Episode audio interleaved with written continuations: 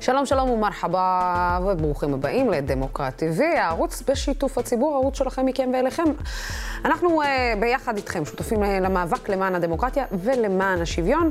היום במהלך uh, דיון בבית המשפט על תביעת הדיבה שהגיש דוד שמרון, בן דודו ומקורבו של ראש הממשלה נתניהו, נגד דוד ארצי. בעדות של האלוף במילואים גיא צור, הוא סיפר, הרמטכ"ל ביקש מראש הממשלה נתניהו שיהיה המזכיר הצבאי. נתניהו ביקש שיהיו שלושה מועמדים, זומנו למספר ראיונות, כל אחד. בתקופת עמוד ענן התקשרו אליי מלשכת הרמטכ"ל ואמרו לי שאני צריך לבוא לבלפור. ראש הממשלה נתניהו שאל אותי שאלה אחת, ואז שרה נתניהו לחשה לו משהו באוזן, ו... הוא יצא. ואז היא, שרה נתניהו, ראיינה אותי במשך 45 דקות. היא התחילה במעט שאלות אישיות עליי, וזה המשיך בשיחה ארוכה על שאלות על ההתנתקות. אם היה צריך לסרב או לא לסרב, אם צריך לעשות זאת שוב. כמובן שמה שתיאר האלוף אה, צור נשמע כמו התערבות מאוד מאוד גסה של אה, רעיית אה, ראש הממשלה במינוי מזכיר צבאי לראש הממשלה, וכדי לדבר איתנו על הפרשה הזו ועל ההתערבות של שרה נתניהו בעניין ביטחוני, נמצאת איתנו טל שניידר, זמן ישראל, שלום, שלום לך אהובה. היי, שלום לוסי, ערב טוב. וגם עורך הדין ירון חיים, בא כוחה של עמותת חוזה חדש, קריים מיניסטר, שלום, שלום גם לך. שלום. אז אה, טל, קוראים את הדברים, זה, זה לא משהו שאנחנו לא יודעים או לא הכרנו, ועדיין אני אצטט את מה שאת צייצת היום. זה לקרוא את זה, ועדיין אתה אומר, וואו, לא להאמין שזה אשכרה באמת קרה. נכון, קודם כל צריך להגיד, האלוף גיא צור, כאילו, אחד מהאנשים היותר בכירים ששירתו אה, פיקוד דרום, אה, מח"ט שריון, לוחם, השתתף במלחמות, אה, אדם באמת משכמו ומעלה, הגיע למעמד שהוא מתאים, מומלץ לתפקיד מזכיר צבאי. כמובן שיש עוד כמה מועמדים, וכמובן שלנתניהו יש אפשרות לבחור מבין המועמדים. עד כאן אין חדש. העובדה גם שאנחנו שמענו בעבר, בכתבות של עיתונאים בכירים, ואולי אפילו גם נניח בספר של בן כספית, וגיא צור עצמו, אגב, גם סיפר את הדברים בפודקאסט. מה שקרה היום הוא מדהים, כיוון שהוא עמד תחת שבועה, וכשבן אדם עומד בבית המשפט ומעיד את זה, תחת שבועה, זה כבר לא, את יודעת, אה, כן. זה כבר לא מהעולמות של אמרתי לא, אמרתי כן. לא, ואת יודעת, כי תמיד היה כל מיני רכילויות על מה שנעשה שם, אבל הוא מתאר לך ממש בצורה ישירה, איך נתניהו קם ועוזב את הפגישה אחרי שאלה אחת, משאיר אותו איש צבא, שוב, אני אומרת, בן אדם שהמומחיות שלו זה בלהילחם, יושב עם אשת ראש הממשלה ומתחיל להסביר לה, היה לו גם תפקיד משמעותי בהתנתקות, אז היא שואלת אותו שאלות על ההתנתקות. אה, אה, האם הוא היה מסרב? טל, לא כאילו, הוא היה, הוא היה יכול, את יודעת, אני שואלת את עצמי, כאדם, אה, את יודעת, שיש לו, איך אומרים, קרדיט, שעשה כל כך הרבה דברים, שבא עם ארסנל של ידע, עשייה, הייתה לו את היכולת לבוא ולהגיד, סליחה גברתי, אני לא מנהל איתך את השיחה הזאת. זו שיחה שאני מנהל עם ראש הממשלה. דרך אגב, אנחנו נתקלנו בעבר, אם אני זוכרת נכון, אולי עוזי ארד, עוזי ארד. אה, בכירים שבאו ואמרו, סליחה, עד שהיא לא יוצאת מהחדר, אני לא מדבר גם ראש המוסד, אה, כן, גם ראש המוסד לשעבר אמר את זה, כן. אבל פה אני מזכירה לך שהוא בא בעצם לפגישה עם נתניהו, הוא לא ידע שככה זה יתנהל, אחרי, תוך כדי, זאת אומרת, ב-45 דקות שהתנהלה הפגישה, הוא לא תיאר לעצמו שככה זה הולך להיות, ואז אני, לפי העדות היותר מאוחרת היום של יעלון, אה, בשלב הבא שהוא הבין שככה זה מתנהל, ואנשים שנשלחים בעצם מתראיינים על ידי שרה נתניהו, הוא ביקש לשים לזה סוף, במובן הזה שהוא אמר, אני לא מוכן יותר שהרמטכ"ל ישלח לשם את האנשים להתראיין כשככה זה, זה מתנהל. בינתיים כבר לא היה צורך, כי לשכת נתניהו, מי שזה לא יהיה, החליטה על אייל זמיר, שהוא המזכיר הצבאי. אני רק רוצה להגיד עוד מילה, אייל זמיר בעיניי, אדם מתאים משכמו ומעלה, אה, שאת יודעת, הגיע גם, אני מניחה, לאותה סיטואציה, מילא את תפקידו, שוב, אה, גם משריון אגב, אה, אין, אין לי שום ספקות לגבי זה שהוא היה מתאים וראוי, רק הסיטואציה היא פשוט נראית בלתי נסבלת. ואחר כך עלתה גם... הזויה, טל. זהו, אני רוצה לשאול אותך רגע שנייה על איילת שקד, שהיא, כשהיא עלתה להעיד בכלל גם על ההתנהלות של הגברת נתניהו, היא פתאום לקטה ב... איך נגדיר את זה? אה, לא שכחה אפילו כמו... מישהו תדרך אותה כנראה יפה מאוד, לא, לא להגיד דברים שהיא לא אמורה להגיד, אם היא רוצה בכלל לראות איזשהו עתיד בליכוד. אה, האינטרסים של שקד די ברורים, כמו שאת אומרת, עתיד בליכוד, אבל צריך להבין, שוב, יש כאן עורך דין תכף שיסביר, אבל יש, יש פער בין העובדה שגם שקד או אחרים מספרים על המעורבות של השקד, כן נתנה שם איזה קטע על המעורבות הכספית, זאת אומרת, יותר נכון, המעורבות האנטי-כספית, שכבר משלמים לה, היא רוצה את הכסף חזרה, וגם אודליה כרמון סיפרה על זה. יש הבדל בין זה לבין להצליח להוכיח לבית המשפט שבאמת אותו ארצי, שהוא הנתבע במקרה הזה, היה עד וראה את ההסכם בין נתניהו לבין אשתו שרה. זאת אומרת, יש פה איזשהו פער בין הדברים שקשה לי כרגע להבין איך ההגנה כאן, שמייצגת את ארצי, תוכל לגשר עליו. כי הם כולם מעידים על כך שהיא מאוד מאוד מעורבת, אבל קשה להם להעיד על אותו הסכם שנחתם. אני, אני חושבת שיש שופט שיושב בדין, לא צריך לגמרי לדחות את, ה, את התביעה הזאת, כי, אה, זאת אומרת, לא צריך לגמרי לקבל את התביעה הזאת, כי יש כאן בהחלט עדות שמעידה על אותו תוכן של הסכם בלי להוכיח את קיומו של ההסכם. זהו, אבל את יודעת, מעצם העובדה שבעצם אנשים... כמובן, למי שלא מכיר, הסכם, כן, הסכם שבא ואומר ששרה יש לה זכות לקבוע מינויים. ועובדה שהיא מממשת את זה, והיא קובע, קובעת או מתערבת בהליך 45 דקות ראיון, היא מקיימת אותו, ונתניהו בכלל לא נוכח בראיון, זה, זה ממש, זה לא נורמלי בשום צורה. הוא לא רק שהוא לא צריך לקום וללכת, אלא הוא צריך בכלל, לא צריך להיות מצב שמשתפים אותם בזה. זה, זה כמו, את יודעת, איזשהו מדינת אה, ממלכה כזאת. את יודעת, זה, זה, זה מדהים, כי מספיק, אני לא יודעת אם את זוכרת את הריאיון עם אה, אשתו של אה, ישראל כץ, שבה כשהיא פלטה דברים שם, שבעצם דיברו על ההתנהלות, עם מי צריך לדבר ועם מי צריך בעצם לנווט כדי שאנשים מסוימים יקבלו, ואת יודעת, יש עוד כמה נשים בפוליטיקה של פוליטיקאים לשעבר בליכוד, שיכולים להעיד על כך. את יודעת מה, אני אתן לך פה עוד איזושהי אנקדוטה קטנה, אם את רוצה, לפני שאת עוברת הלאה, תראי את עורכת דין טלי גוטליב, שלא קיבלה, הרי הם כולם יודעים בפריימריז של הליכוד, אם אתה רוצה להגיע גבוה, אתה צריך את שרה נתניהו לצדך. טלי גוטליב היא לא מהצד הזה, היא לא, היא לא הגיעה לליכוד דרך אה, שרה נתניהו, כמו שהייתה להניח בעבר נאוה בוקר, או אה, ענת ברקו וכולי, ששרה נתניהו מאוד דחפה אותן. פה היא התמודדה לבד וזכתה למקום מאוד גבוה, והיום היא מתקוטטת עם האנשים הכי בכירים בלשכה, צחי ברוורמן, כן. אה, וזה בן אדם שמחובר אל שרה נתניהו, זאת אומרת, היא בעצם לא ממש מתקוטטת עם צחי ברוורמן, היא בעצם מתקוטטת עם שרה נתניהו. ולכן תרשי לי לומר לך שההתנהגות שלה וההתנהלות שלה, כפי שאני, כאילו, שוב, זו פרשנות שלי, אה, לא מבוססת על משהו שגוטליב אמרה לי, אני לא בקשר איתה בכלל, אבל מאיך שזה נראה לי מהצד, אין לה הרבה עתיד בליכוד אם היא ככה ממשיכה להתקוטט עם אותם אנשים שהם שליחה של של שרה נתניהו, זה ייצור לה בעיה מאוד קשה גם בכנסת ואחר כך בעתיד בפריימריז. כן, מצד אה, שני, אה, אה, גלית דיסטל אביריאן קיבלה תפקיד של שרה במשרד ראש הממשלה, על אף ששרה אמרה לה, למה את בכלל מערבת את הילד שלי בתוך כל הסיפור הזה? אני לא יודעת אם זה טלנובלה, אפילו בשושלת, בדיינסטי כבר לא היו מגיעים למחוזות האלה. אני רוצה, עורך הדין ירון חיים, אני רוצה לשאול אותך באמת, כשאנחנו רואים את, ה, את, את ההתנהלות הזאת, את ההתערבות הזאת, את... זה, זה דברים שהם בעצם תקינים במדינה דמוקרטית? זה עניין של לא דיני המינהל הציבורי ולא הדוקטרינות במינהל הציבורי מכירים מצב שבו אה, אשתו של אה, בעל הסמכות היא זאת שקובעת. הדברים, עוד פעם, לכאורה, ככל שהם אה, יוכחו בבית המשפט, הם חמורים, מאחר ו...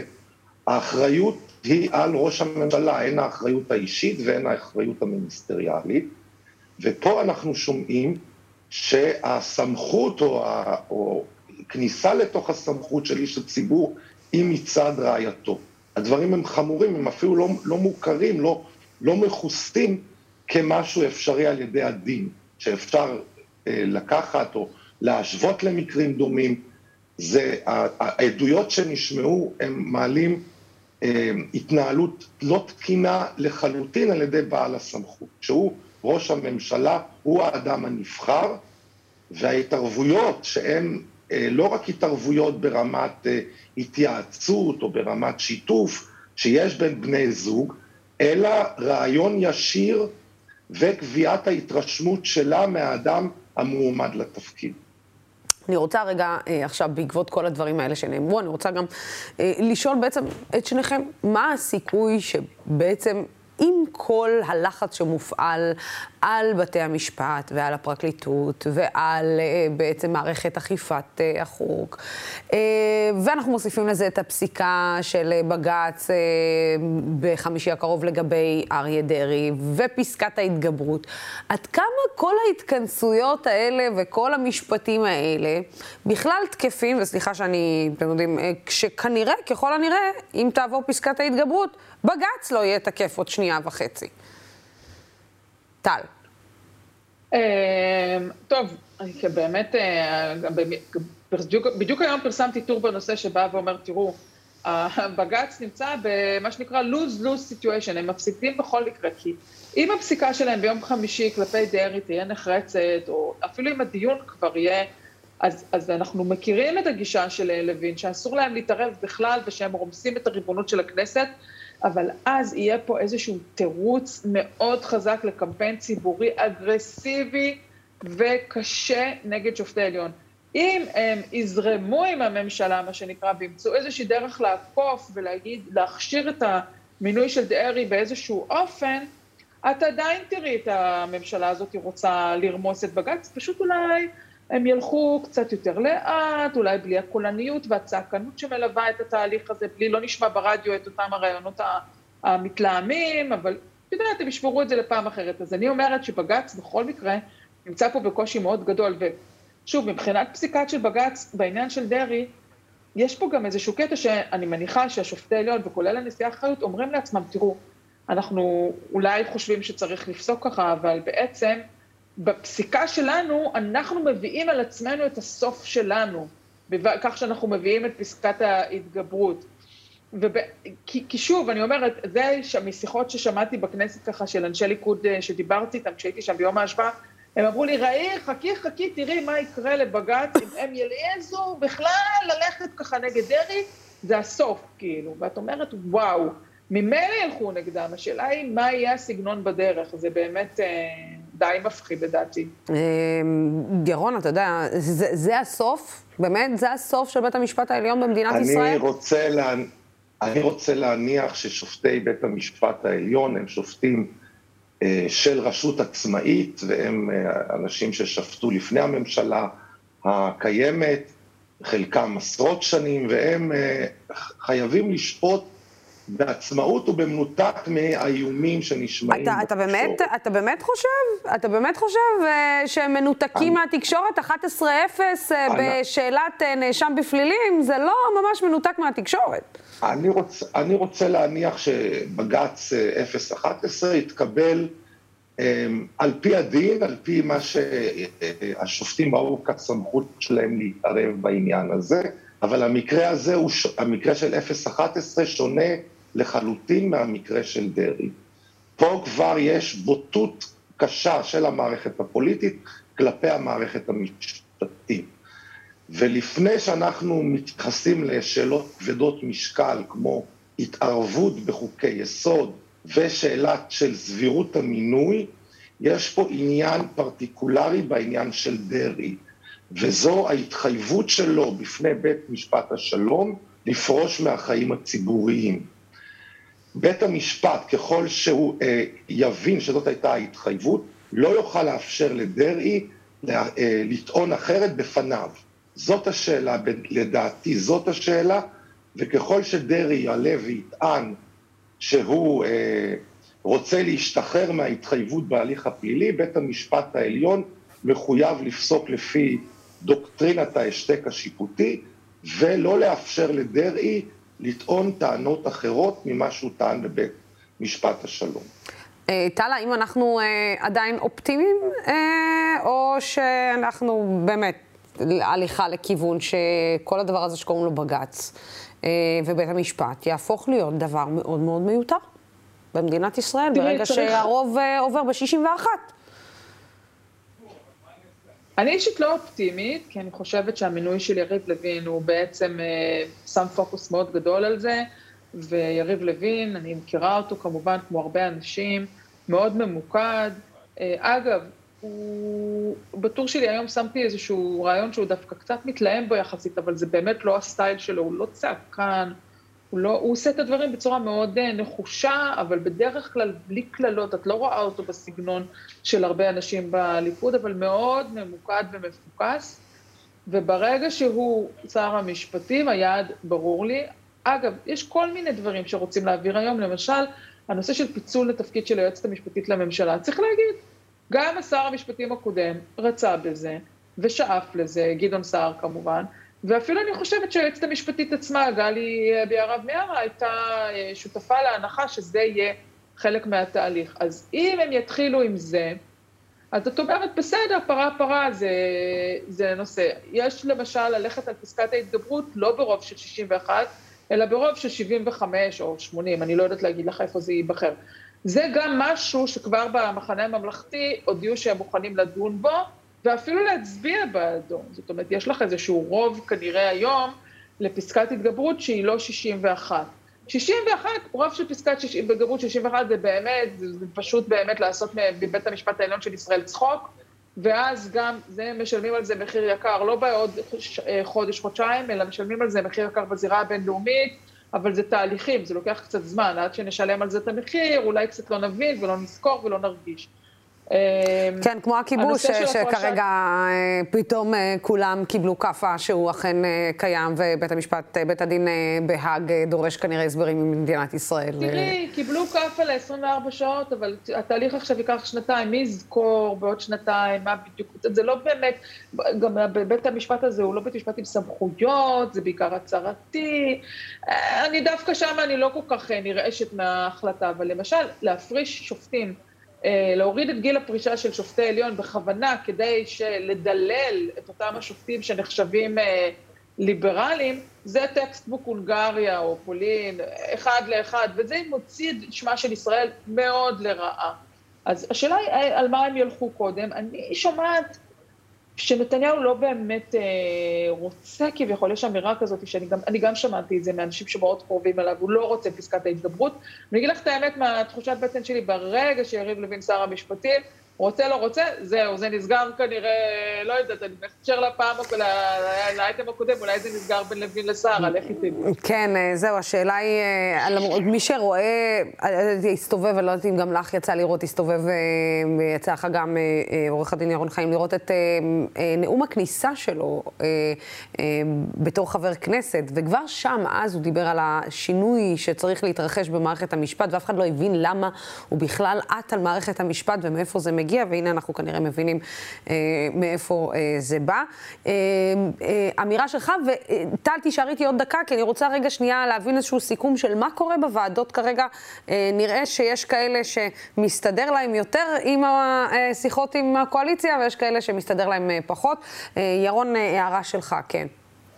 אני, אה, חשוב לי לומר שאני לא חושב שהשינויים שהם מבקשים לערוך במערכת תלויה בתוצאה משפטית כזו או אחרת בעניין של דרעי ובעניינים אחרים. התוכנית היא תוכנית שעומדת בפני עצמה, והיא תוכנית לערוך למעשה שינויים אה, שיובילו את מדינת ישראל לשינוי משטרי. לא מדובר פה ברפורמות משפטיות, מאחר והן נעשות מתוך אה, מניעים של עניינים תלויים ועומדים בפני המערכת.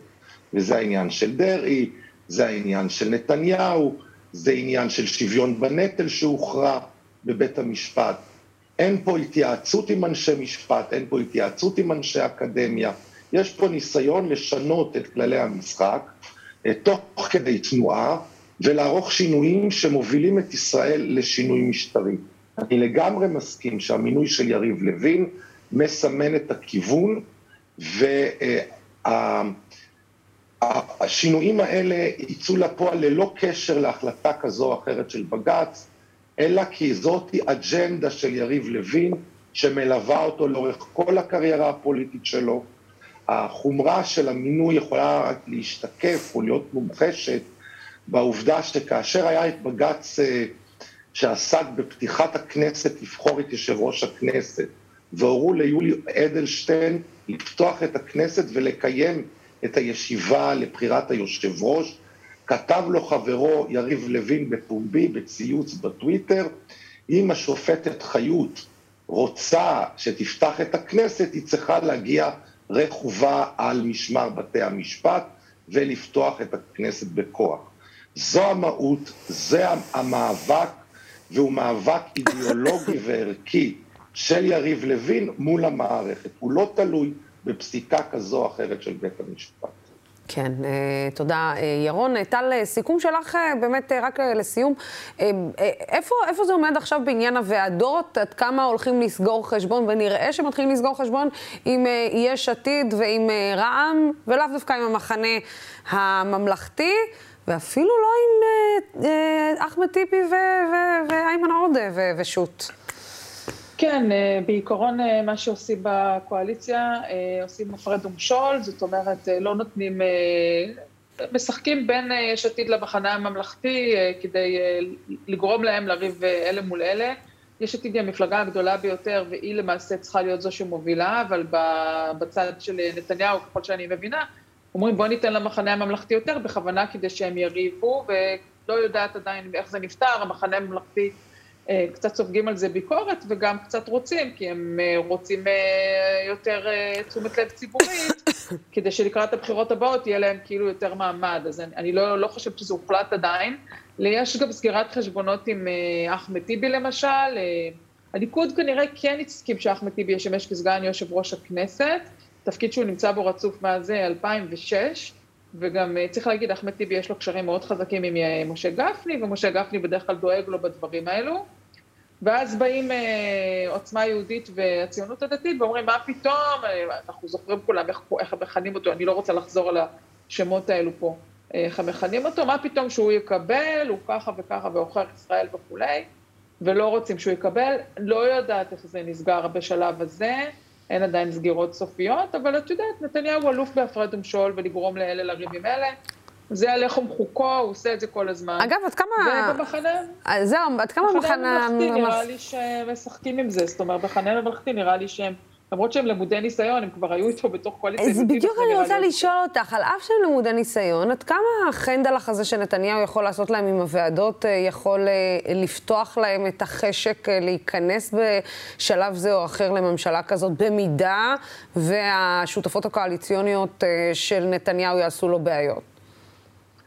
קודם כל, אני למדתי להגיד בפוליטיקה הישראלית, למדתי לומר תמיד never say never. אני יודעת, אני לא רואה את גדעון סער ואת זאב אלקין ואת גדי איזנקוט נכנסים. להגיד לך לגבי בני גנץ, אני השתכנעתי בתקופה האחרונה שהוא לא בעניין, את רואה גם שהוא לא, לא ניהל שום משא ומתן, אין לנו אפילו התחלה קטנטונת של משאים ומתנים שהיו שם כביכול בתקופה האחרונה, למרות שנתניהו לא נהנה מהמשא ומתן האחרון.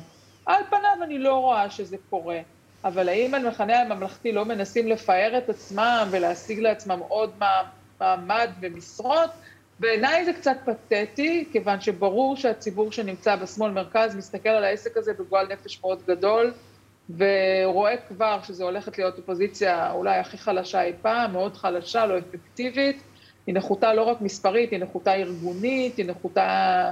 הציבור שלהם לא עייף, מותש ומאוכזב, אז... Uh, כן, לכל מי שתומך בישראל באופוזיציה ובשמאל מרכז, הולכת להיות תקופה לא פשוטה, לא רק שהם יראו חקיקה מאוד אנטי, אה, לשנות כל דבר ולפגוע בחילונים ולפגוע, ולפגוע בלהט"בים וכולי, הם גם יראו אה, רפיסות של הפוליטיקאים מהצד מהמחנה הזה. כן. טל אה, שניידר, אה, תודה רבה לך, אה, אהובה יקרה. בטוח המשכו להיות, כן, אקשנים גדולים ב... בכל מה שקשור לקואליציה הנכנסת. תודה רבה לצופים ולשותפים של דמוקרט TV. הערוץ הזה אפשרי רק בזכותכם ובזכותכם. אתם השותפים שלנו למאבק למען השוויון, למען הדמוקרטיה שלנו. בינתיים, סלמת.